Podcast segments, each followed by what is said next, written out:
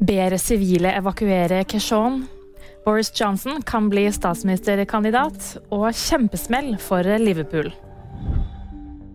Alle sivile i Keshon bes om å forlate byen umiddelbart. Det skjer etter at lørdag morgen kom meldinger om at luftsirenene har gått i store deler av Ukraina. Ukrainske myndigheter bekrefter angrepene og beskriver det som et massivt angrep. Det ukrainske nettstedet Euromaiden Press hevder det har blitt avfyrt totalt 14 missiler.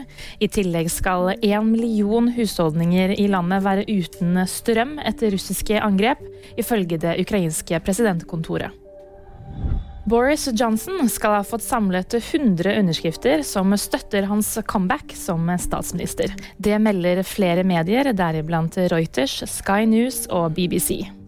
Han har ikke offentlig bekreftet at han vil stille som statsministerkandidat, men skal ha fortalt kilder nær han at han kommer til å gjøre det.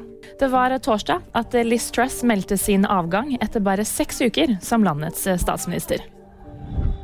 Det ble nok en nedtur for Liverpool på bortebane.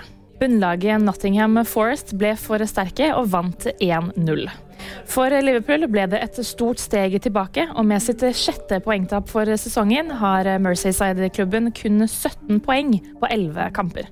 VG nyheter fikk du av meg, Anna Julie Bergesen.